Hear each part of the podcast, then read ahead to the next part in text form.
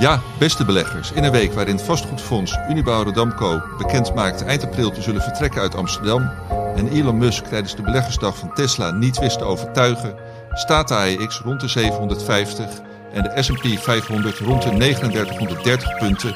Tijd om te praten over beleggen. Dit is voorkennis. There are three ways to make a living in this business. Be first, be smarter, or cheat. No, I don't cheat. Beleggersbelangen presenteert voor kennis. Ja, beste beleggers, leuk dat jullie weer luisteren. Ik ben Johan Brinkman, mag vandaag weer de presentator zijn. Ik zit hier met uh, Menno van Hoven en Hilde Laman. We gaan vandaag twee hoofdonderwerpen behandelen. Op de eerste plaats de koers-winstverhouding als de maatstaaf om aandelen te kopen of te verkopen. Is dat terecht of is de KW, zoals we het afkorten, overgewaardeerd? Ten tweede afsplitsingen of uh, spin-offs, uh, ook wel genaamd. In Nederland is het uh, bekendste voorbeeld de afsplitsing uiteraard door Philips van ASML, alweer een tijd geleden, maar erg succesvol. In het binnen- en buitenland zijn er talloze andere voorbeelden, maar wat kun je daar nou als particuliere belegger mee? Maar we beginnen zoals altijd met terugblikken op de afgelopen week. Menno, wat is jou het meest opgevallen? Ja, bij mij draait natuurlijk alles om dividend. En uh, nou, ik ben een paar dagjes weg geweest. En uh, toevallig was ik in Duitsland. En kwamen toevallig ook heel veel uh, Duitse bedrijven met cijfers en, en dividendnieuws. Waaronder Beiersdorf, vind ik een heel boeiend bedrijf. Vooral vanwege het feit dat ze het dividend gewoon structureel niet verhogen. Terwijl ze dat makkelijk kunnen. De roep is er ook vanuit aandeelhouders, sommige aandeelhouders, om het wel te verhogen. Ze doen het elk jaar niet. Dus ja, je kunt je klokken op gelijk zetten dat ze uh, 70 cent weer gingen aankondigen. En dat hebben ze ook gedaan. En ik heb dus uitgerekend, het is nu uh, 16 jaar op rij dat ze dat hele kleine dividendje betalen. Zeker binnen de sector consumer staples hebben nu een dividendrendement van 0,6 procent.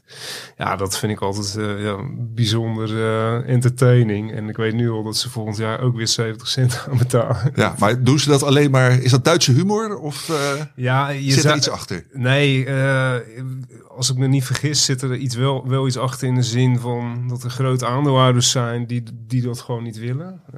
Familie-investeerders waarschijnlijk, familiebelangen.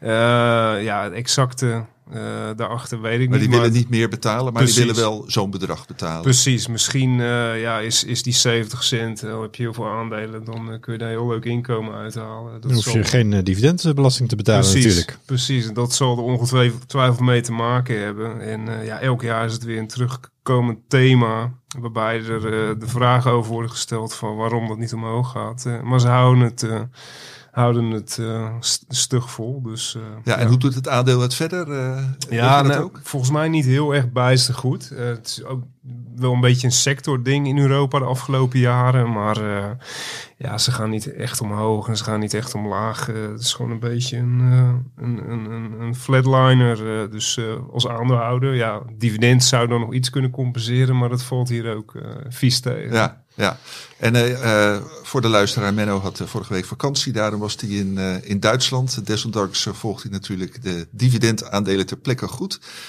maar ja, dit was misschien wel leuk om te noemen, maar voor de rest de markten nog een beetje gevolgd?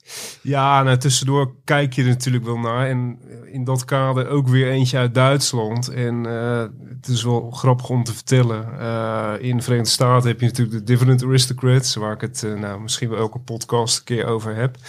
En dat zijn bedrijven die 25 jaar of langer op rij dividend verhogen. In Duitsland had je er twee. En vanaf deze week, of vanaf vorige week eigenlijk, is er geen één meer. het waren de beide Fresenius bedrijven, Fresenius en Fresenius Medical Care. Uh, ja, en die hebben de ene, de medical care, die verlaagt het dit jaar. Fresenius, die verhoogt het voor het eerst na 4, 25 jaar niet. Dus Duitsland is nu ook officieel zonder echte dividend aristocrat. Ja, niet als enige land in Europa die ze niet hebben, hè? Nee, bijvoorbeeld in, nou, in Frankrijk heb je bijvoorbeeld een Sanofi, in Zwitserland Roche, Novartis. Maar ja, ze zijn heel zeldzaam en uh, nu nog zeldzaam. Ja, en uh, in Nederland uh, schat ik zomaar in geen enkele? Nee, nee Wolters Kluwer timmert wel hard aan de weg. En ja, sommigen die plaatsen ook Unilever in die categorie. Maar ja, dat is dom maar net hoe je het dividend met eh, wisselingen van halfjaarlijks naar kwartaal, et cetera, bekijkt. Voor mij is het geen uh, dividend aristocrat. En is Unilever nog wel Nederlands, is nog de vraag. Ja, Maar- dat ook. En ze doen de laatste jaren doen ze ook heel weinig met het dividend. Dus eh, een echt dividendgroei aan zou ik het ook niet meer willen noemen. Eh, en ja, wat Hildo zegt, het is gewoon Brits eh, inmiddels. Dus in die zin eh, eh, ja, reken ik die daar niet toe. Ja, Eh, laten we hopen dat Wolters Kluwer nog echt Nederlands is op het moment dat ze een echte aristocrat worden. Anders is het wel een beetje Nee, sneu. precies, maar die, eh, ja, die moeten nog wel een aantal jaartjes eh, door blijven timmen. Dit jaar wel dividend weer met 15% omhoog. Wolters Kluwer zit natuurlijk in de dividendportefeuille. En eh, ja, die draait ook op volle toeren en eh, ja, heel veel nieuws. Maar volgens mij zitten we wel een beetje op het einde nu van alle cijfers, eh, toch? Ja, dat eh, idee eh, heb ik ook. Eh, Hildo, wat is jou het meest eh, opgevallen? Ehm, afgelopen dinsdagavond eh, presenteerde ASMI de laatste kwartaalcijfers. Ehm, wat ik opvallend vond was het, orderboek. Dat was in het vierde kwartaal hebben ze best wel wat aan orders ontvangen. Ehm, en de chipsector die zit nou sinds laten we zeggen de tweede helft van vorig jaar in een wat mindere periode, in een dip laten we maar zeggen. Ehm, en wat je, wat je normaal ziet is dat van de Nederlandse chipmachinebouwers dat vooral Bezi, maar ook ASMI, dat die wat cyclischer zijn en dat die in een slechtere periode het wat echt een stuk minder doen. Ehm, terwijl ASML wat minder cyclisch is en dat, dat, dat, dat, ehm, dat groeit min of meer door. En dan sommige jaren wat meer en andere jaren wat minder. Maar daar zie je die cyclische golven eh, niet zo heel sterk. Eh, en wat ik dus opvallend vond aan, de, aan het orderboek, of de, de orders in het eh, vierde kwartaal, was dat, ehm, dat die bij Bezi en ASMI juist opvallend hoog lagen. Hoger dan ik had, eh, had verwacht. Ehm, terwijl die bij ASML nou, een tikkeltje laag was. Maar aan de andere kant, ASML ehm, geeft gewoon aan dat ze dit jaar 25% gaan groeien met omzet. Dus dat, uiteindelijk zegt het niet zo heel veel voor ASML. Eh, maar Bezi en ASMI vond ik ehm, nou, opvallend hoog. En, en dat, ja, dat kan eigenlijk drie oorzaken hebben. Ehm, het kan bijvoorbeeld dat die Nederlandse chipmachinemakers gewoon technologisch gewoon de beste zijn. En dat klanten daar eigenlijk niet op willen bezuinigen, om het zo maar te zeggen. Dat is een, een mogelijke factor. Ehm, het kan ook zijn dat die, die dip, waar ik het net over had, dat die misschien ehm, sneller voorbij is of veel minder diep dan wel wordt gedacht. Dat zou een reden kunnen zijn. En een derde reden zou kunnen zijn ehm, dat, dat dit een soort tijdelijke piek was, waarbij eh, klanten vooruit besteld hebben voor leveringen die pas eind dit jaar of misschien in 2024 eh, gedaan zullen worden. Dus dat er, dat er een soort ja, vooruitbestel-effect te zien was. Dat zou ook nog een, een reden kunnen zijn. Ehm, ja, waarschijnlijk de waarheid ligt waarschijnlijk eh, in het midden. Het zou zomaar kunnen dat alle drie de factoren op een of andere manier ehm, eh, meespelen. Eh, maar ik vond het in ieder geval eh, erg opvallend. Ja, en de, de, de, de crisis of de dip, of hoe je het ook wil noemen, in de, in de chipsector, dat lijkt vooralsnog of aan deze bedrijven voorbij te gaan of misschien wel mee te vallen. Ehm, nou ja, voorbij gaan. eh, ja, nou ja, ASML eigenlijk, daar gaat het aan voorbij. Zoals ik al zei, die verwachten dit jaar gewoon 25% omzetgroei. Of nou ja, gewoon, zo gewoon is dat niet. Maar ze verwachten, dat is hun eh, verwachting. En daar hebben ze tot op heden zijn ze niet daarvan afgeweken. Eh, ja, Bezi is, eh, is zeker ziek, eh, gevoeliger. En dat zag je, de voorgaande kwartalen zag je dat ook duidelijk. En daarom was het ook zo opvallend dat ineens die orders eh, in het vierde kwartaal weer eh, flink zijn gestegen. Eh, dus ja, kijk, en hoe, hoe, het, gaat, eh, hoe het gaat uitpakken, dat, dat blijft natuurlijk eh, lastig. Vooral afwachten uiteindelijk. We moeten afwachten. Maar het ziet er op papier, voor in ieder geval Bezi en ASMI, niet zo heel slecht uit als het mogelijk had kunnen zijn. Ja, en dan kan ik me bij de cijfers van Bezi herinneren toen die, ik dacht, vorige week werden gepresenteerd, dat ja, daar positief op werd gereageerd door beleggers met een koersstijging. Was dat bij ASMI ook het eh, geval? Nee, dat, eh, daar werd, dat ging een procent of 4, 5. Ik weet niet wat het uit eindstand eh, uiteindelijk was. Eh, woensdag met een procent of 4, 5 ging dat onderuit. Maar dat heeft denk ik vooral te maken met ehm, marges. De winsten lagen allemaal net wat lager. En de verwachtingen zijn ook voor het komende jaar dat die ietsje lager komen te liggen. Eh, ik heb zelf ook mijn taxaties wat eh, terug moeten schroeven. Ik, ik vermoed dat dat de meest ehm, voor de hand liggende verklaring is. En aan het orderboek ligt het niet, eh, als je en- het mij vraagt. En uit het feit dat jij dat hier noemt, leid ik ook af dat jij gewoon dat orderboek ook wel een belangrijke indicator vindt van ja, hoe de bedrijven op lange termijn gaan presteren. Ja, dat, eh, ja als, je, als je naar eh, bijvoorbeeld ASMI kijkt, dat, eh, die hebben nog een, een eh, behoorlijke voorraad orders uitstaan. Dan kunnen ze nog heel wat kwartalen mee, mee vooruit. Ook al komt er geen enkele nieuwe order meer binnen. Dus dat geeft wel ehm, vertrouwen in de toekomst. Ehm, zeker als de markt weer aantrekt. Ja, oké. Helder, dankjewel.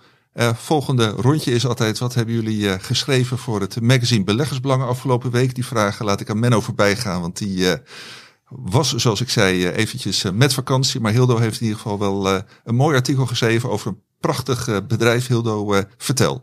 Nvidia, ehm, dat is vorige week ehm, met de kwartaalcijfers gekomen. Ehm, voor mensen die het, die, die niet weten, Nvidia ontwerpt chips.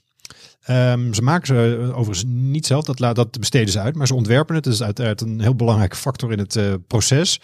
Ehm, die chips worden traditioneel veel gebruikt in eh, gaming. Ehm, maar de laatste jaren zie je dat in, in datacenters het, het veel meer gebruikt wordt. Maar bijvoorbeeld ook bij het eh, minen van, van cryp- cryptovaluta. Maar bijvoorbeeld ook met kunstmatige intelligentie. Daar zijn die chips ook bij uitstek geschikt voor. En wat je, wat je zag is dat het aandeel sinds, nou laten we zeggen, ergens oktober, misschien november, eh, echt, echt heel hard is gestegen. Ehm, volgens mij, nou, het is niet helemaal verdubbeld, maar het, het, kwam, eh, het kwam aardig in de buurt sinds, eh, sinds de bodem. Ehm, en dat komt volgens mij vooral door kunstmatige intelligentie, AI in het, in het Engels afgekort. Ehm, sinds de, de introductie van ChatGPT zie je dat beleggers ineens heel veel interesse hebben in AI, aandelen. En Nvidia is er daar één van. Eh, waardoor het aandeel enorm is opgelopen. Terwijl als je de, als je de kwartaalcijfers zag, ja, een omzetdaling van ongeveer 20%. En het komende kwartaal ehm, wordt er weer eenzelfde daling verwacht. Dat, is, dat zijn geen cijfers waarvan je denkt, nou hop, eh, omhoog met dat eh, aandeel. Maar dat is dan wel interessant. Dat gaat, dat gaat natuurlijk ook weer over die, over die chipsector. Dat eh, deze bedrijven dan, of dit bedrijf dan, echt een flinke omzetdaling laat Ja, zien. nou dat, dat, hoort, eh, dat is, komt dus mede door die dip waar ik het net over had. Ehm, dat, is, dat is gewoon een, eh, een, een belangrijke fac- factor. Je ziet bijvoorbeeld bij, kijk, crypto, dat is vorig jaar natuurlijk, die cryptowaardes, die zijn allemaal gekelderd. Dus de mining werd ook natuurlijk een stuk, in, een stuk minder interessant. Dat is natuurlijk, dat zal ongetwijfeld flink onderuit zijn gegaan. Maar ook gaming is wat, wat, is wat minder, terwijl bij datacenter gaat het dan weer ehm, ietsje beter. Maar, maar Nvidia merkt dus ook gewoon hoe, hoe, goed het bedrijf ook is. Ook Nvidia merkt, eh, merkt wat van die, ehm, van die mindere, ehm, ja, mindere situatie in de chipsector. En, en daarom is het ook, dat, dat is in die context vond ik het dus ook zo opvallend dat de orders bij Bezi en ASMI eh, best wel hoog zijn uitgevallen. Ja, Ehm, maar goed, het, het Nvidia vind ik altijd interessant, omdat ehm, het is ontegenzeggelijk echt een winnaar in de chipsector. Het is ehm, en eh, kunstmatige intelligentie zou ook zomaar echt een, eh, een, een grote eh, bron van groei kunnen worden de komende jaren voor, voor Nvidia. Ehm, maar het moeilijk, wat ik altijd heel moeilijk vind met dit aandeel, is dat de waardering is echt al jaren torenhoog. En dat is het eigenlijk nu nog steeds. Ehm, het is een beetje afhankelijk voor je meet, maar als je met de, de, de winst van vorig jaar pakt, dan zit de, zit de KW op iets van 130. Ehm, ja, dat is natuurlijk eh, ja, dat is bijzonder hoog. En ik, ik vind het heel moeilijk om. eh, aan de ene kant ben ik heel enthousiast over het bedrijf, maar ik vind het heel moeilijk om een koopadvies aan het aandeel te hangen. Door die torenhoge waardering. Ja, we gaan er straks nog over hebben of de KW eigenlijk wel een goede maatstaf is. En, eh, maar bij, bij Nvidia vind ik het altijd een hele, een hele lastige, omdat ik op zich het bedrijf, ja, ik, het is gewoon een van de beste chipontwerpers. Ehm, maar tegelijkertijd is het aandeel echt, echt heel erg duur. En dan is het altijd de vraag, wat ga je als belegger daar over drie of vijf jaar van terugzien? Ja, maar in ieder geval als je het hebt, dan eh, mag je in je handjes eh, knijpen. eh, zeker eh, op dit moment. Eh, nou, dankjewel eh, Hildo. En eh, we gaan naar het eerste hoofdonderwerp. Voorkennis. Nou, Hildo, je legde al het bruggetje van jouw artikel over Nvidia naar het eerste hoofdonderwerp, namelijk de waardering van aandelen, waarbij je de koers-winstverhouding vanaf nu af te korten tot KW ja, essentieel is. Vrijwel ieder artikel eh, wat we in beleggsbelangen schrijven, dat eh, eh, sluit af met, nou ja, de KW is alleszins redelijk of laag of veel te hoog en dan een advies. En dan zegt ene Hilde Laman vandaag tegen mij van, nou ja, die KW die is toch eigenlijk wel wat, wat nou, overgewaardeerd misschien niet, maar daar kun je toch wel wat nuances bij plaatsen. En dat is precies wat we nu gaan doen. Kun je daar wat meer over uitleggen, Hildo? Um, ja, hoe, hoe, ik hier op dit onderwerp kwam, is eigenlijk dat ehm, de eerste maanden van dit jaar ehm, doen Europese indices het veel beter dan uh, de Amerikaanse indices. Dat zie je vandaag op donderdag zie je dat ook weer. Dat, ik zag net dat Ajax op een klein plusje staat, terwijl de uh, S&P in de, in de min staat. Uh, en dat zie je eigenlijk al het hele jaar. per saldo staat, staan de grote indices in de VS, die staan, nou wat zal het zijn, 2, 3, 4 procent hoger. Terwijl de Europese tegenhangers 7, 8, 9 procent hoger staan. En dat is al een opvallend verschil. En dan heb je het over dit jaar. ja, ja, dit jaar, ja. sinds 1 januari. En um, wat ik um, al een aantal keren langs zien komen, is het argument van ja, uh, Amerikaanse aandelen zijn, de duur, zijn te duur. KW is 18, 19, uh, dat soort dingen. En dat is gewoon te duur. En Europa is goedkoop en uh, met een lage KW. En daarom moet je dat, ko dat kopen en Amerika verkopen. En um, dat, dat argument, um, ja, dat bij mij intuïtief ging het er al niet in. En toen ben ik eens heel even goed naar gaan kijken. Dit, want ik heb het al vaker gehoord. Een KW is uh, eigenlijk helemaal, zeker niet voor een index, niet zo geschikt um, timing instrument. Oftewel, moet je nu aandelen kopen, uh, omdat ze dan over een half jaar of over een jaar uh, hoger staan. Um, en ik wil daar eens even wat cijfers bij zoeken. Dus dat heb ik gedaan. Ik, ben, ik heb even uit Bloomberg heb ik um, de KW's voor de S&P 500 index eruit getrokken. En die, liep, die gingen terug tot, tot, tot 1991. Uh, dat heb ik op uh, maandbasis gedaan om, de, om het niet al te groot te maken. Um, en um, daar heb ik eens even heb ik op een rijtje gezet um, per maand. Wat je, met een bepaalde KW dan.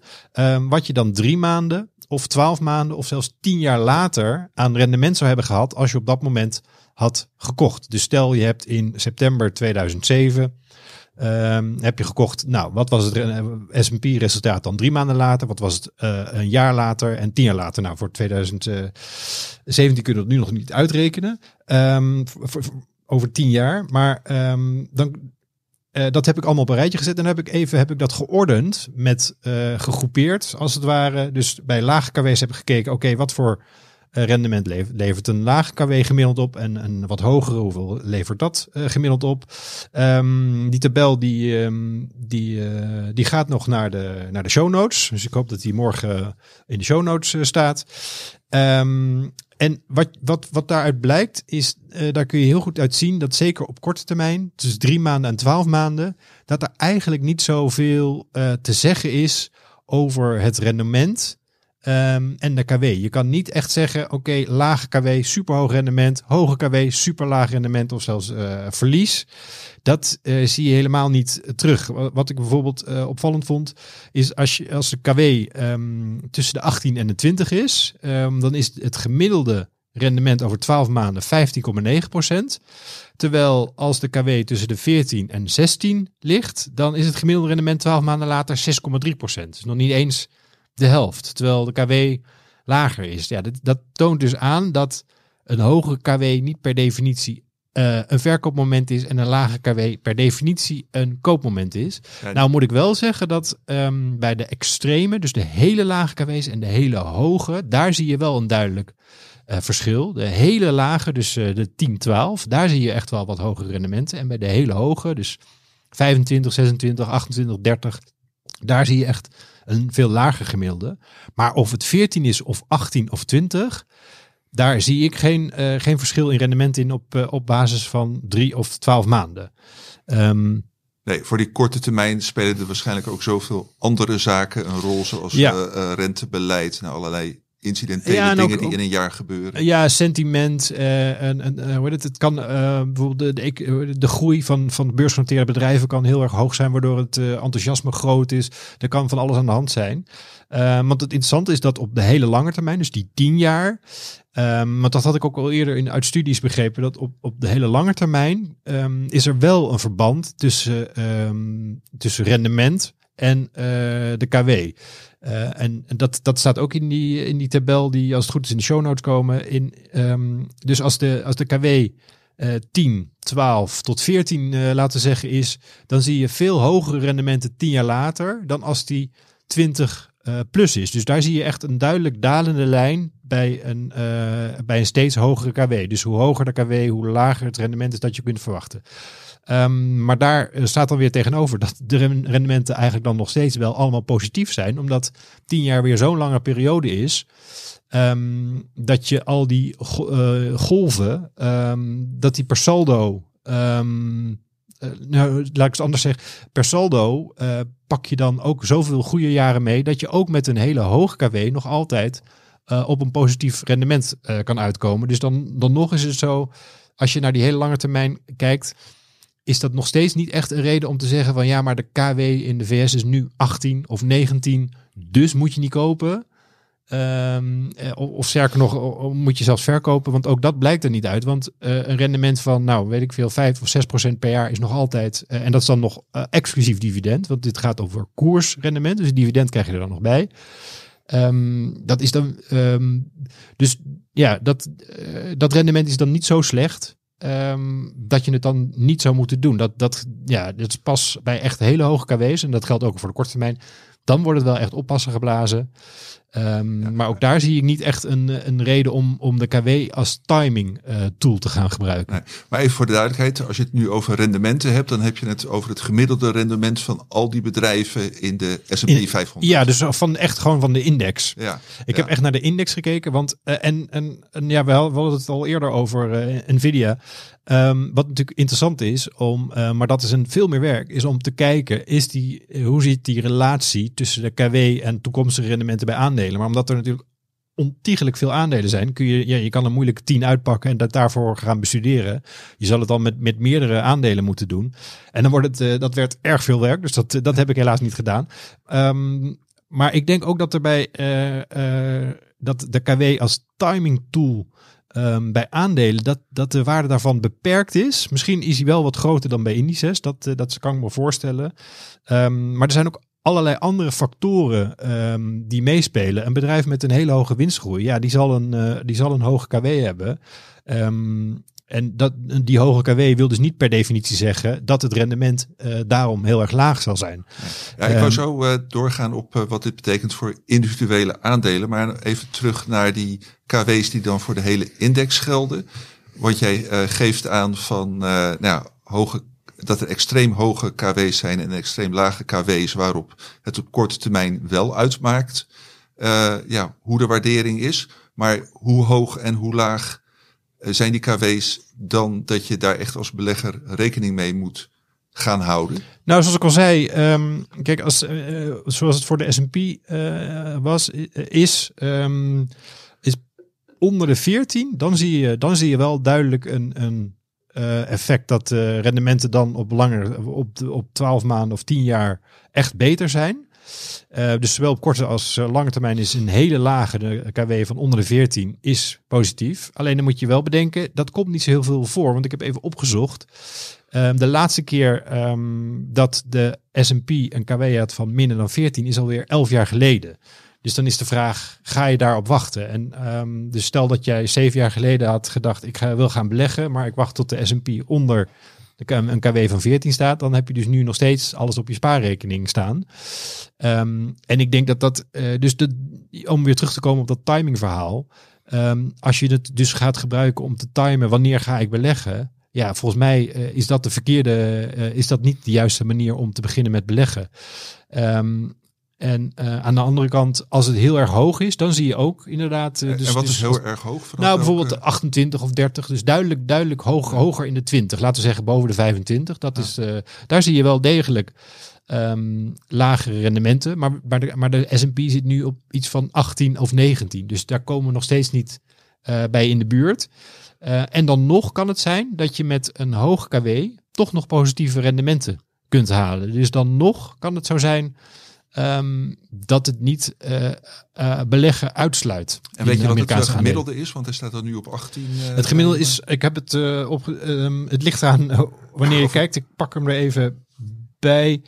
Ehm, het gemiddelde van de, van de S&P de afgelopen eh 10 jaar is 20,2. Maar als je over de afgelopen 20 jaar kijkt, is hij iets lager, 18,2. De KW's zijn vooral de laatste jaren opgelopen door, nou, waarschijnlijk door die zeer lage rente. Dat maakt uh, aandelen een stuk interessanter alternatief.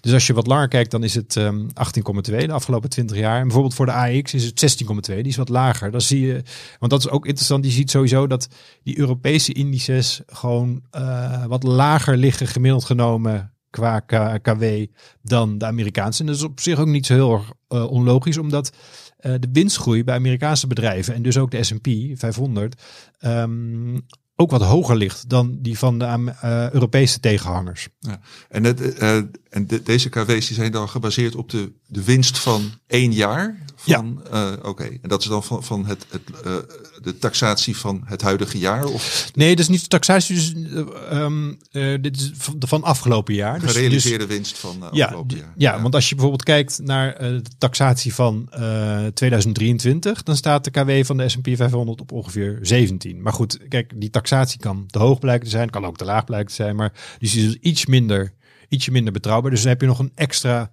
onbetrouwbaarheidsfactor, om het zo maar te, uh, te zeggen, um, heb je erbij als belegger. Dus op zich is, kijken naar um, winsten die al binnen zijn, om het zo maar te zeggen, um, is ietsje betrouwbaarder dan met toekomstverwachtingen. Alhoewel toekomstverwachtingen echt heel belangrijk zijn voor beleggers uiteraard.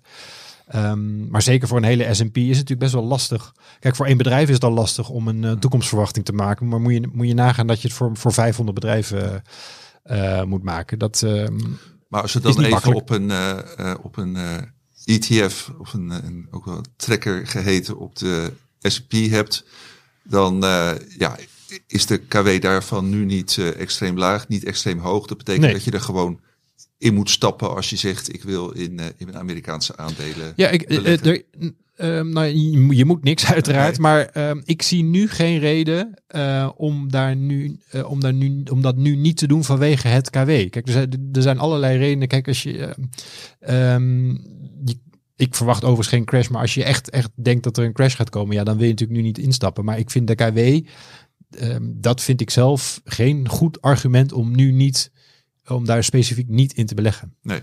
Dus, en dan hebben we het dus nu uh, gehad over de uh, index. Maar goed, uh, die index S&P 500 nou, bestaat dus uit 500 individuele aandelen. En nou ja, er zitten er ook een flink aantal bij waar wij ja, op aandelenniveau advies over geven. Van ja, hoe, hoe past dat verhaal van de KW op die individuele aandelen?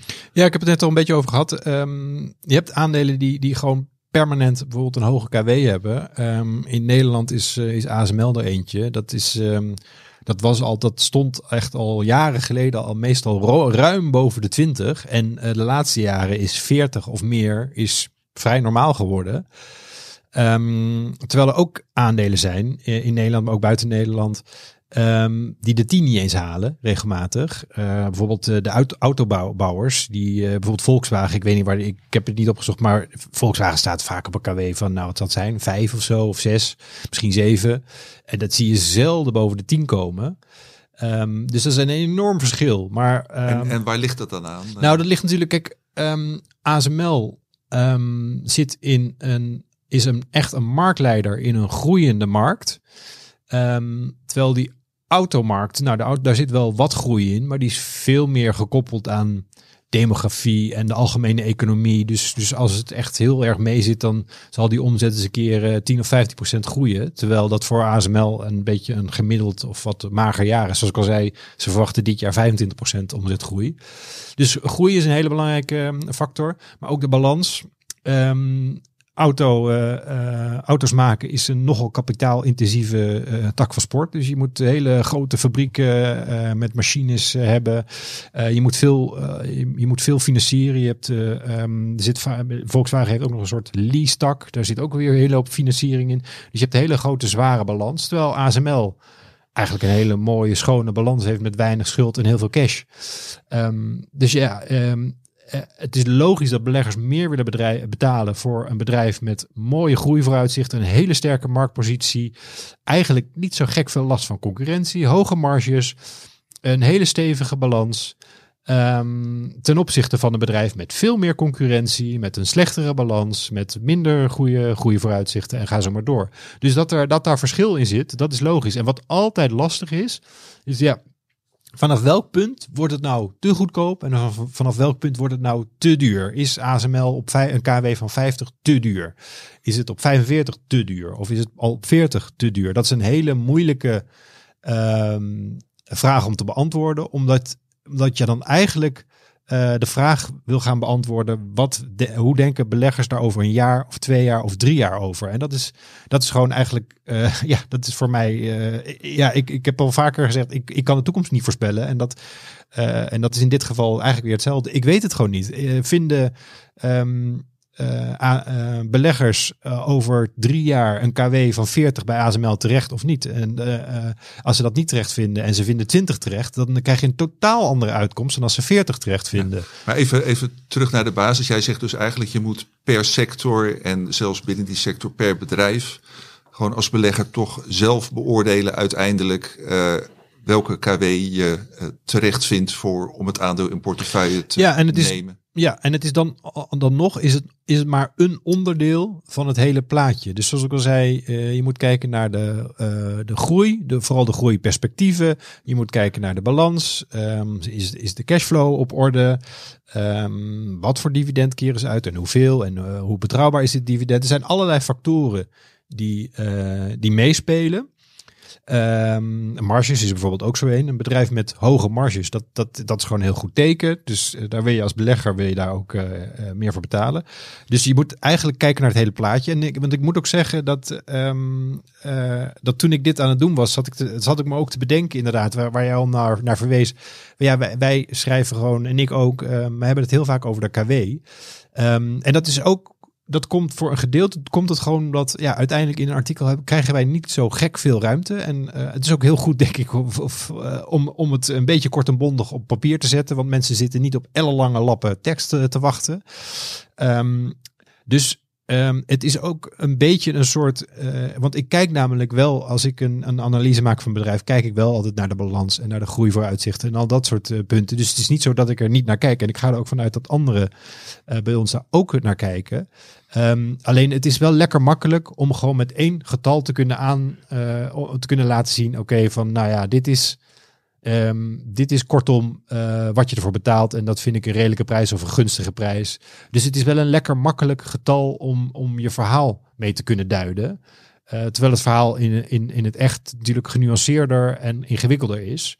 Ehm, maar het, ja, zoals ik al zei, ik, ik zelf, eh, het, het viel mijzelf ook op dat, dat, ja, we heel vaak als op de KW terugvallen als, als koop- of verkoop Ehm, terwijl het in, het in, eh, in werkelijkheid eh, een stuk genuanceerder ligt. Ja, wel belangrijk, maar niet om iets om eh, je blind op te staren. En zeker niet om eh, als enige eh, eh, in de beoordeling eh, eh, te betrekken. Eh, Menno, jij beheert, eh, nou je zei het al, eh, een, eh, een dividendportefeuille met, wat is het, eh, 40 eh, aandelen. 41. 41 aandelen. Nou, ken jij alle, alle KW's van die aandelen uit je hoofd? En eh, eh, ja, betrek je dat bij je beslissingen om het eh, aandeel wel of niet in portefeuille te houden? Nou, ik ken ze, om antwoord te geven op je eerste vraag, ik ken ze zeker niet allemaal uit mijn hoofd. Eh, ik loop er wel regelmatig voorbij, maar het is zeker ook niet iets waar, waar ik mijn beleggingsbeslissing echt op eh, baseer. Beleggen is natuurlijk vooral een kwestie van stokpikken en ver vooruitkijken. En dat geldt vooral voor de dividendportefeuille. Ja, en dan is hoe verder je vo- vooruit gaat kijken in de tijd, hoe minder relevant ook die KW dan wordt, denk ik. Maar ja, het is natuurlijk wel iets heel erg herkenbaars voor de meeste beleggers. En die willen ook gewoon dingen, eh, hand, handvaten, handvatten hebben eh, waar ze ja, wat mee kunnen. En daarom komt hij natuurlijk ook heel vaak naar voren. Maar in de regel geldt natuurlijk hoe sterker een bedrijf groeit, hoe beter de vooruitzichten, hoe hoger de marges, wat Hildo allemaal al zei. Ja, hoe hoger ook die eh, KW zal zijn. En wat wel grappig is, en eigenlijk ook heel logisch, is dat wat je ziet op bedrijven met een eh, hogere KW, die hebben vaak ook een eh, ja, veel lager dividendrendement. En andersom natuurlijk ook. Aandelen met een lage KW, lage waardering, zijn vaak de aandelen met een hoog dividendrendement. eh, die per saldo groeien niet of, of nauwelijks. En ja, daar hoef je van de beurskoers eigenlijk ook niet zo heel veel te verwachten. Dat zijn meer de stagnerende beurskoersen, waarvoor je wel veel dividend krijgt. En waarvoor gewoon minder wordt betaald, omdat die koers uh, minder potentie heeft. En even voor de duidelijkheid, de hoogte van het uh, dividend is voor jou niet, uh, voor de dividendportefeuille althans niet het allerbelangrijkste. Nee, nee, zeker niet. Het is zeker niet iets waar, waarop ik uh, selecteer. Maar ja. Uh, Bij jou gaat meer om groeiend uh, dividend. Precies, dat, dat ja. is de basis. En ja, alles boven de 5% als startdividendrendement, dat, dat valt in principe wel buiten mijn scope. Maar, dat vind je te hoog om. ja, dat, zeker. Ja. Dan kom je meer op het gebied van de hoogdividendportefeuille. En ja. dat zijn niet de aandelen die het de komende jaren fors gaan verhogen, normaal gesproken. En daar zoek ik natuurlijk naar. Ja, en ik weet dat je de uitschieters in de, in de portefeuille hebt bekeken, in jouw dividendportefeuille, wat de KW betreft? Ja, nee, sowieso eentje die er altijd helemaal bovenaan zit is L'Oréal. Uh, natuurlijk Frans cosmetica bedrijf, altijd hoog gewaardeerd. Maar ze doen het ook al jaren heel goed op de beurs. Dividend gaat elk jaar omhoog. En ook daar zie je weer een relatief laag dividendrendement. Maar wel een dividend dat gewoon met dubbele cijfers groeit. Dit jaar weer 25% hoger. Ja, en als je zo'n dividendverhoging, en dat heb je natuurlijk ook bij ASML gezien de afgelopen jaren. Als je die plakt op, uh, op het lage dividendrendement, ja, dan zit je ineens op veel hogere dividendrendementen. Alleen als die koers verder blijft stijgen, ja, dan blijft dat dividendrendement laag. En dat is een beetje ja. uh, de, de gedachte erachter natuurlijk. Oké, okay, en heb je ook nog, want L'Oréal is dan eentje met een uh, hoge KW. Heb je er ook nog wel eentje met een lage KW in zitten? Ja, nee, absoluut hoor. En dat zijn dan vooral de sectoren die je daarvoor mag verwachten. Zoals basismaterialen, uh, consumer staples. Uh, ja, ik weet het niet exact uit mijn hoofd, maar ik kan me zo voorstellen dat een Eastman Chemical of een Arkema, twee chemiebedrijven, ja, dat die uh, zo rond de 10 of misschien zelfs lager zitten op dit moment. Maar dat is echt gewoon een sectording. Ja, een beetje in de categorie autobouwers, hoewel die een nog lagere KW hebben begreep ik net Precies, van, en, van Hildo. Oké. Okay. En, een hoge dividendrendement vaak. Maar dan zit ik liever in chemiebedrijven dan in uh, de eveneens cyclische uh, automobiel. Daar kan ik minder goed uh, op lange termijn een voorspelling voor maken. Ja, ja. Maar goed, KW ook voor jou belangrijk, maar zeker niet het allerbelangrijkste. En nee, zeker nee. ook niet het, het enige. Nee, klopt. Nee. Uh, overigens inderdaad uh, de statistieken waar uh, Hildo het over had, die, gaan we in de show notes zetten. Dus die zijn daar te zien. En dan gaan we naar het volgende hoofdonderwerp. Voorkennis. nou, heel wat anders. Ehm, spin-offs of in goed Nederlands afsplitsingen. Menno, jij hebt dit onderwerp naar voren gebracht. Waarom en wat is er over te zeggen? Ja, nou, een goede vraag inderdaad. Waarom? Uh, deze week was volgens mij maandag of dinsdag uh, zag ik een hele grote uitschieter op de beurs New York. Contour Brands. Uh, nou ja, is een naam die bij mij gelijk, ja, nou, die zegt, die zegt mij heel veel. Het is namelijk een voormalige dochter van VF Corporation. een dividend aan, portefeuille aandeel, voormalig dividendportefeuille aandeel moet ik zeggen die na 50 jaar ineens het dividend heeft verlaagd uh, recent en ook uit de dividendportefeuille moest. En die hadden uh, een aantal jaar geleden Contour Brands afgesplitst. En uh, dat bedrijf maakt vooral spijkerbroeken. En dan moet je aan denken aan Wrangler en, en Lee, die merken. En de reden om dat af te splitsen was in de tijd, omdat het, het groeiprofiel paste niet bij VF Corp. Hè. Ze groeiden niet hard genoeg. uh, ze waren wel heel winstgevend, alleen ja, het, ze, moesten eruit omdat de, de, de, de winst onder druk stond, omzet groeide niet. En ja, die werden dus uh, afgesplitst. En ja, wat ik zei, van de week hele mooie cijfers. Koers plus 20%, grootste stijging ooit. En dat kantoor dat kruipt eigenlijk langzaam naar de hoogste koers ooit. Terwijl VF Corp gewoon enorm in elkaar gezakt is. En ja, dan zie je toch dat die hele degelijke, saaie spijkerbroeken. Ja, die had je er beter gewoon bij kunnen houden als bedrijf. dan had je er nu waarschijnlijk een stuk beter voor gestaan. En, ja, maar dat heeft het management toen de tijd uh, gewoon verkeerd, verkeerd ingeschat. Nou, achteraf gezien is het natuurlijk altijd makkelijk praten, maar zo zou je dat nu wel kunnen stellen. Want uh, het is gewoon een, ja, een gestaag groeiend uh, bedrijf. En ja, dat was blijkbaar niet genoeg. En uh, dat was ook de reden. Kijk, de, de verklaring om iets af te splitsen om bedrijven is altijd um, een nieuw management, meer focus, meer resources voor een bedrijf wat anders minder aandacht krijgt binnen een groot geheel. Maar ja, uh, wat je dus in, in de praktijk gewoon vooral ziet, is dat de minder snel groeiende uh, divisies worden afgestoten. En dat was hier ook duidelijk het geval.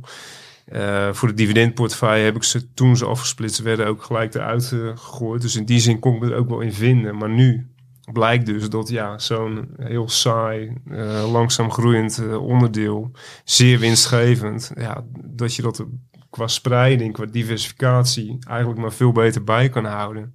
Het is zelfs zo, ik heb gekeken naar uh, het totale dividend dat VF betaalde voor uh, de dividendverlaging en uh, wat ze nu betalen. En op tel je daar dan bij op de buybacks en het dividend van uh, Contour Brands. Dat is 166 miljoen in 2022.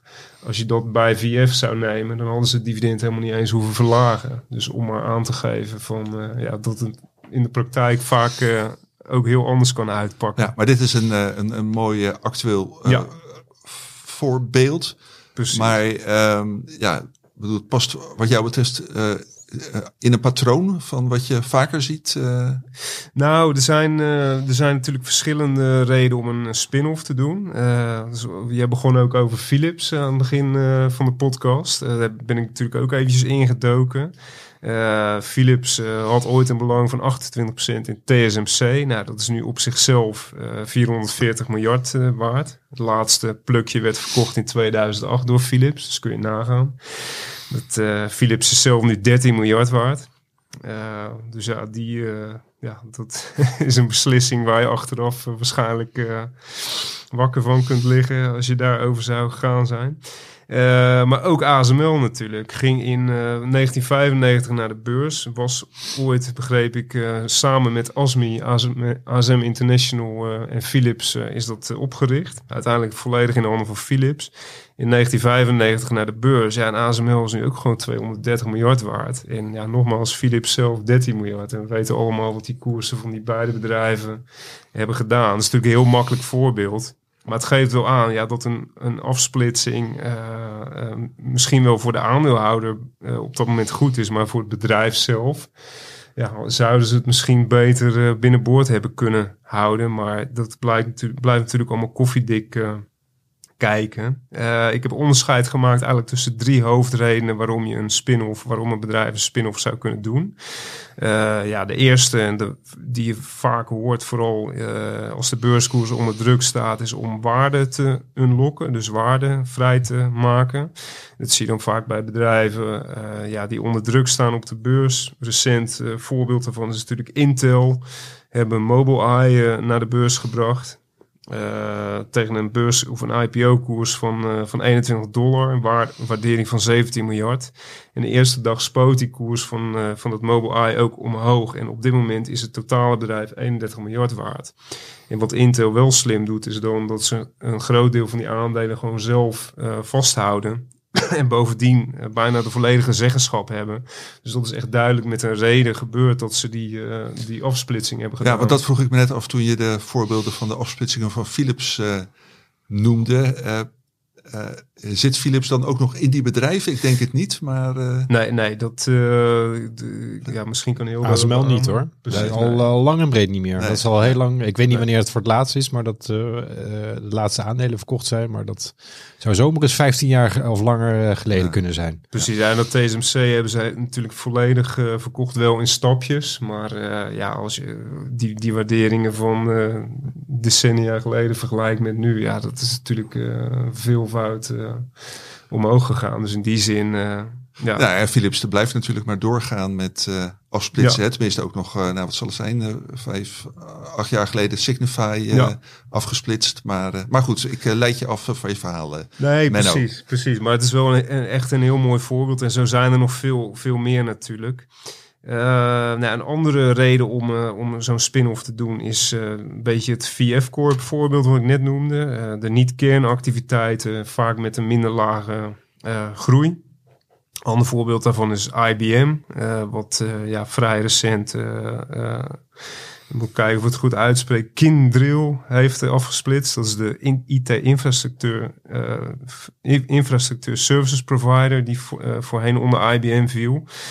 Ja, en uh, IBM zit ook in de hoogdividendportefeuille. Dus we hebben een beetje, ik en Stefan, gevolgd hoe dat uh, allemaal ging. En dat was echt gewoon een drama. Die koers van dat Kindrill, ja, dat, dat donderde in elkaar van 40 dollar naar 8 dollar, staan nu 15 dollar. En dat is gewoon een uh, ja, verlieslatend bedrijf. de omzet krimpt elk jaar. Dus dan snap je ook wel waarom zo'n IBM daar vanaf wil.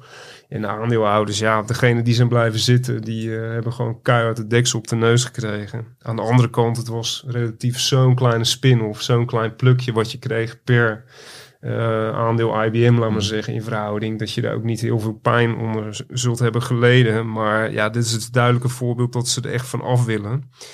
Uh, een ander voorbeeld, dat zie je niet vaak meer, naar mijn idee, maar dat gebeurde in het verleden nog wel eens. Dat is uh, een afsplitsing om de eigen balans uh, flink op te schonen. De meest bekende voorbeelden die je daarvan overal terugvindt zijn General Motors en Ford. Die jaren terug hun auto-onderdelen divisies, respectievelijk Delphi en Visteon, naar de beurs brachten met een aparte notering. Ja, en die waren echt overladen met schulden vakbonden, uh, problemen met loonkosten, uh, pensioenproblemen. En ja, uh, niet geheel toevallig zijn allebei die bedrijven na die spin-off inmiddels ook failliet gegaan. nadat de automarkt in de VS een aantal jaren geleden volledig instortte. Dus ja, dat, volgens mij komt dit niet heel veel voor. Uh, je hoort ook wel eens uh, dat er uh, ja, bijvoorbeeld enorme liabilities zijn. Bijvoorbeeld 3, 3M en ook Johnson Johnson. Maar daar wordt wel tegengas gegeven nu. Als ze een divisie waar claims onderhangen, als ze dat snel willen lozen. Dus ik denk dat dat niet heel, heel makkelijk meer en heel vaak meer gebeurt. Maar dat is wel iets van het verleden. En uh, ja, hoe gaat zo'n uh, spin-off dan in zijn werking? Nou, vaak krijg je per aandeel van het bedrijf dat je hebt één nieuw aandeel. Of uh, per één aandeel krijg je er drie of zelfs zeven. En wat je vaak ziet in de praktijk ook is dat gelijk na zo'n spin-off die beurskoers een enorme down naar beneden krijgt. Dus dat is eigenlijk ook gelijk een, ja, een, een wake-up call van als je zo'n afsplitsing toebedeeld krijgt. ja, vaak is het verstandig niet bij het kindreel wat ik net uh, noemde. Maar vaak is het wel verstandig om het even aan te kijken. Omdat die koers uh, ja, enorm wegzakt in de eerste handelsdagen. Of je moet er gelijk vanaf. Maar het verschilt natuurlijk echt per bedrijf. Uh, die van Intel, die, die spoot natuurlijk omhoog. Maar uh, de reden daarvoor is dan weer dat uh, veel beleggers een heel klein plukje in hun portefeuille zien ineens. Ja, uh, totaal niet in verhouding met de andere posities die ze hebben. En ook vaak van een bedrijf waar ze nog nooit van gehoord hebben. Dus die drukken heel makkelijk op de verkoopknop wegwezen. Dus daardoor zie je in de eerste dagen van zo'n spin-off vaak een enorme druk op die beurskoers. En vaak zie je ook later, zeker als het een goed bedrijf is, gewoon puur op basis van fundamentals. En als ook meer analisten het gaan volgen, dat heeft meestal ook een aantal maanden uh, de tijd nodig. Ja, dat die koers wel weer bijtrekt. Mits het natuurlijk gewoon wel een goed uh, bedrijf is, wat niet uh, opgezaald is met een enorme schuldenlast. En wat gewoon goede cijfers kan overleggen. Dus in die zin is het wel ja, nuttig om het eventjes aan te kijken. Uh, ja, dan tot slot nog welke sectoren uh, zie je nou veel van die spin-offs? Uh, vooral healthcare, heel veel van die farmabedrijven hebben divisies afgestoten. Ik kom zo nog eentje, op eentje terug ook als voorbeeld binnen de dividendportefeuille. mediabedrijven, olie en gas, technologie natuurlijk, ik had al twee voorbeelden genoemd. En consumer staples. En vooral bij die laatste tak zie je vaak toch dat ja, de minder snel groeiende, uh, niet goed verkopende, uh, waarbij de marges onder druk liggen, takken, dat die afgestoten worden. denk bij voeding natuurlijk gewoon aan, aan de, de, de, de, de minder gezonde producten die, die afgestoten zijn. Dus ja, dat zijn wel sectoren waar je dat veel ziet. En heel vaak gebeurt het ook onder druk van activistische beleggers die uh, ja. een uh, beurskoers omhoog willen werken en die dan het management uh, aandelen kopen, het management onder druk zetten. Om het bedrijf op te splitsen. Ja, precies ja. dat. Dat zie je vooral de laatste jaren steeds meer, steeds meer gebeuren. Ja, dan is het argument ook vaak um, vanuit het aandeelhouder gezien, gezien van ja, ik koop nu een soort conglomeraat. Ehm, maar ik, ik kan op de beurs eh, bijvoorbeeld eh, iemand die, of zo'n GE, dat dan vliegtuigmotoren en elektrische generatoren en medi- medische apparatuur en allerlei andere dingen maakt. En dan kan een aandeelhouder zeggen van ja, maar ik kan op de beurs kan ik ook prima andere aandelen van medische apparatuur eh, kopen. En aandelen van vliegtuigmotorbouwers en aandelen van, nou noem, maar, noem het maar op. Dus dan is het argument waarom, waarom moet ik per se in één bedrijf al die ehm, verschillende takken hebben? Dat, dat is dan vaak een argument eh, wat je hoort bij aandeelhouders. Precies, ja, daardoor blijft die koers vaak wel gemiddeld genomen, genomen achter. Absoluut. Eh, Menno, je zei net dat je nog één voorbeeld ging geven, volgens mij, van een afsplitsing in de farmacie. eh. Ja, nou ja, binnen het dividendportefeuille eh, hebben we natuurlijk eh, nu eh, Abbott Laboratories eh, zitten. Eh er zat voorheen, of in de hoogdividendportefeuille moet ik zeggen, zit nu Abvi. Dat was voorheen, hoorden die bij elkaar. En ja, op een gegeven moment zijn die ook opgesplitst. En binnen het dividendportefeuille heb ik toen de keuze gemaakt voor Abbott Laboratories. Want dat was het groeibedrijf van die twee. En Abvi ja, stond een beetje heel slecht in de publiciteit ook. Bijna de volledige omzet was afkomstig van één medicijn, Humira. Eh, is op, dit moment nog steeds zo, wordt steeds minder. Maar ja, dat was dus een risicofactor aan dat bedrijf, aan het AbbVie, wat onderliggend gewoon een prachtig bedrijf was en nog steeds is. Alleen, ja, op dat moment was gewoon één product, was gewoon zo bepalend. ehm, dat, dat dat wel de reden was om te zeggen van ja, dat is de minder, mindere van die, van die twee. Maar wat dus blijkt is dat na verloop van een aantal jaar eh, heeft AbbVie het veel beter gedaan op de beurs dan Abbott. Abbott heeft ook niet slecht gedaan. En zelfs qua dividendgroei de afgelopen jaren eh, deed AbbVie het ook nog beter dan eh, Abbott. Het zijn allebei ook dividend aristocrats. Maar dat geeft maar weer eens aan ja, dat, je, dat je het echt per geval moet, moet bekijken. En dat je vooral ook ver vooruit moet kijken. In dit geval is het zeker geen slechte keuze geweest. Abbott is ook nog steeds een prachtig bedrijf. Alleen eh, ja, dat AbbVie, dat eh, is er toch veel beter uitgesprongen dan eh, ook veel analisten in die tijd hadden verwacht. Dus, dus ja, het, het, het wil niet altijd zeggen dat trage groeiers, net ook als dat Contour Brands, dat dat per se slechte spin-offs zijn om in te beleggen. Nee, nee maar dat, dat is wel iets wat eh vraag die bij mij opkomt. Is er nou een soort algehele conclusie te trekken van, eh, nou ja, je zit als aandeelhouder in een bepaald bedrijf en het bedrijf eh, ja, besluit om eh, een onderdeel te gaan afsplitsen, wat je dan het beste kan doen als zittende aandeelhouder. Ja, nou ja, goed. Sowieso laat het eerst eventjes uitrazen. Laat die koers even zijn gang gaan. Eh, mede ook omdat er dan meer analisten eh, op zo'n aandeel gaan zitten. Voorheen is, ja, of, vlak na zo'n spin-off is het heel lastig om goede informatie. Vaak worden ook niet heel goede taxaties nog door het bedrijf eh, afgegeven. Het liefst wil je ook eerst gewoon een keer de cijfers zien, kwartaalcijfers. Eh analistenreacties daarop, analisten eh, taxaties, dat geeft veel meer eh, houvast voor de lange termijn. Maar verder verschilt het gewoon vooral echt per aandeel. Per spin-off, kijk naar de waardering die het meekrijgt, naar de balans. wat gebeurt er met de schulden van de beide bedrijven? Wat doet het management? Hebben ze aandelen in het bedrijf dat eh, afgesplitst wordt? Of hebben ze geen aandelen? Als ze wel aandelen hebben, hebben ze indirect of hebben ze direct een belang dat de beurskoers eh, de juiste kant op gaat. Dus dat is een hele belangrijke. Eh, kijk naar het moederbedrijf, houdt die aandelen vast. Eh, zo ja, is dat natuurlijk ook een, eh, een, een positief punt. En wat gebeurt er ook verder met het dividend van in eerste instantie het moederbedrijf?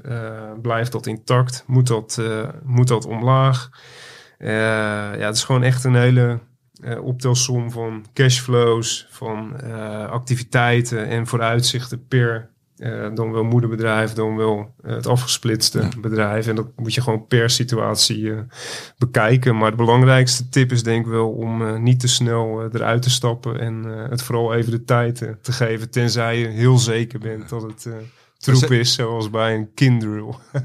Maar zeker als Philips iets gaat, gaat afsplitsen, dan kun je het maar beter eventjes aanhouden. Denk, Precies. zeg ik dan met een Precies. knipoog. Ja, Eh, ultieme voorbeeld, ja. ja. Hildo, heb jij eh, veel ervaringen? Ja, uiteraard dan eh, de genoemde voorbeelden van, eh, van Philips, maar ver- verder veel ervaringen met goede en slechte afsplitsingen? Ehm, nou ja, ervaringen. Ehm, nou, ik, ik, ik, ik heb een keer, dat is voor mij een paar maanden geleden, las ik aan de hand van een andere afsplitsing, ehm, las ik een onderzoekje dat, dat de afgesplitste aandelen, dus niet het moederbedrijf, maar de aan, van de bedrijven die eh, het huis uit zijn gestuurd, om het zo maar te zeggen, ehm, dat die het ehm, in de tot drie jaar na het splitsingmoment het op de beurs gemiddeld genomen beter doen dan, ehm, dan het moederbedrijf.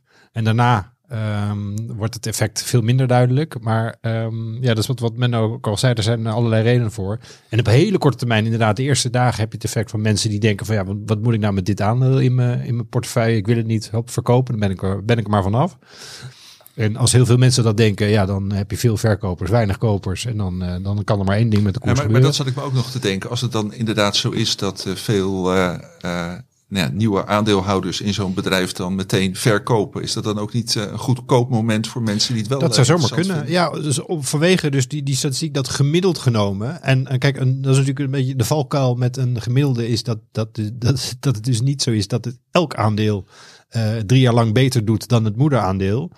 Ehm, maar, ehm, want de kans is natuurlijk vrij klein dat jij bij elke afsplitsing, dat jij het aandeel van het moederaandeel eh, van het moederbedrijf ook al had, in de portefeuille had. En dat je dus ook meedoet met die splitsing op, via, via je, je bestaande aandelen.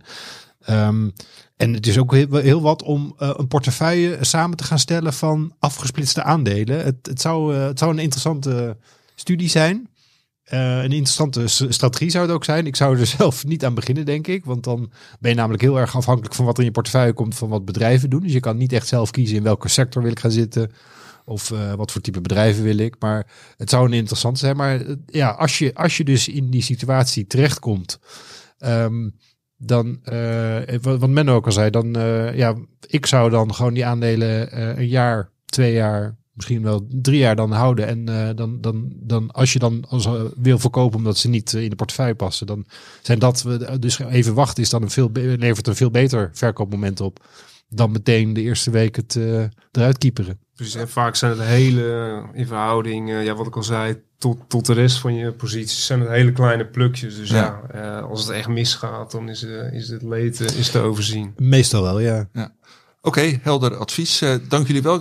Zien jullie trouwens eh, de aankomende eh, weken, maanden interessante afsplitsingen op ons afkomen?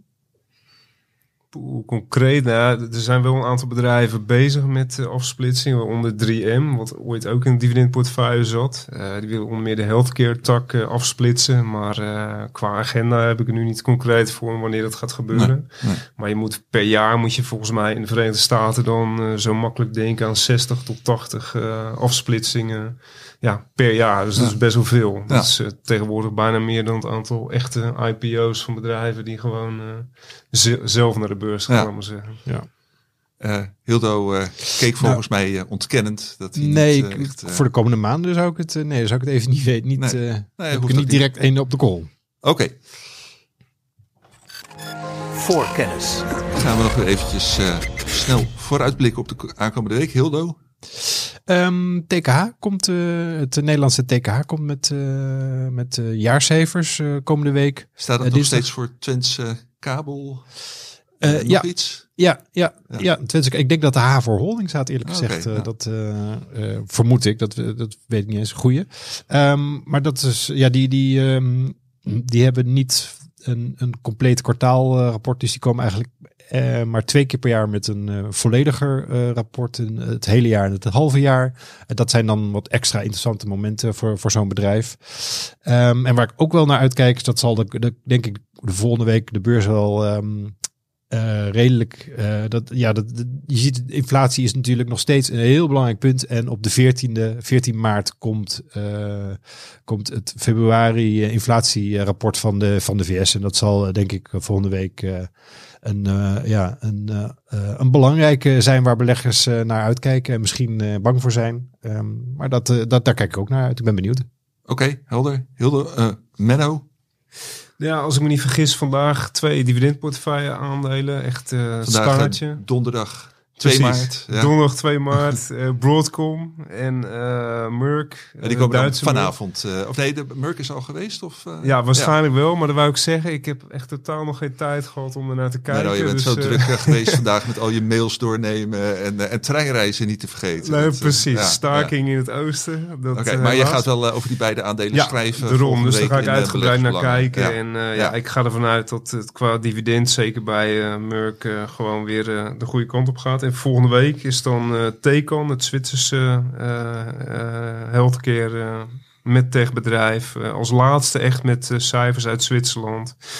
En ja, daarvoor verwacht ik ook weer heel veel van het dividend. Dus dat zijn eigenlijk dingetjes qua cijfers waar ik Ja. naar kijk.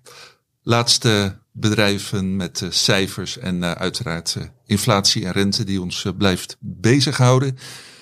Hildo en Menno, hartstikke bedankt eh, voor deze interessante bijdrages weer.